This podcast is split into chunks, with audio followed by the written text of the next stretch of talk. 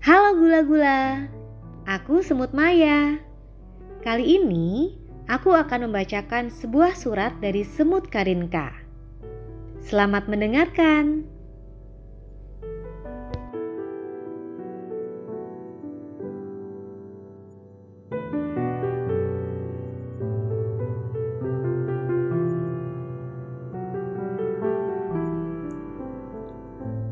Teruntuk sahabat jiwaku. Pertama-tama aku mau bilang, kalau menjalani hidup hingga saat ini adalah pencapaian terbesar buat kita berdua. Setuju kan? Kamu yang paling banyak berjasa atas pencapaian dalam hidup kita ini. Maaf ya, kalau aku suka ragu akan keputusan kita. Aku membuatmu kesal dengan kecemasan-kecemasan yang belum tentu terjadi. Betul katamu, aku yang selalu berusaha mematahkan semangat kita. Beruntungnya aku punya kamu yang selalu ada dan tangguh meyakinkanku karena memang hanya kamu yang tahu apa yang aku mau.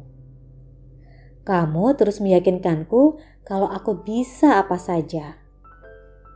Sekarang Aku selalu berusaha mendengarkanmu, walau tidak segampang itu sih. Perdebatan batin memang masih mewarnai hidup kita berdua. Aku bersyukur kamu selalu menemani aku dalam berusaha mencapai semua tahapan dalam hidup kita. Iya, sabar berproses.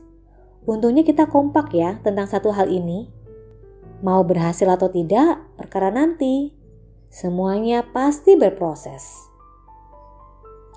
One at a time. Begitu kamu sering mengingatkanku. Kamu selalu bilang, apa yang terjadi di dalam kehidupan kita, kita akan hadapi dengan tegar dan kuat bersama ya. Kamu selalu membisikkan kata-kata menenangkan dan penuh arti saat aku harus memutuskan banyak hal untuk kehidupan kita.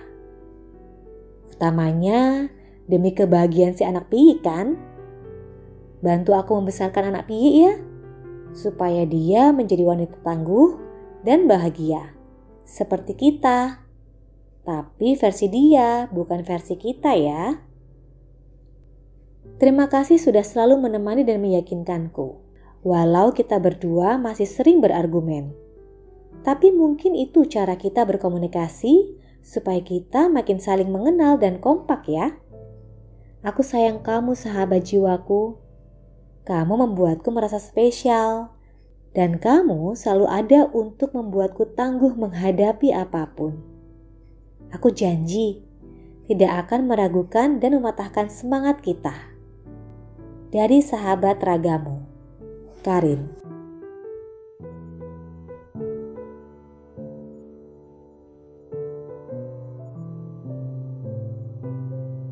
Demikian podcast Semut Merah Kaizen episode kali ini. Sampai jumpa di episode berikutnya, karena semua orang bisa menulis dan semua penulis butuh komunitas. Salam literasi. Semuanya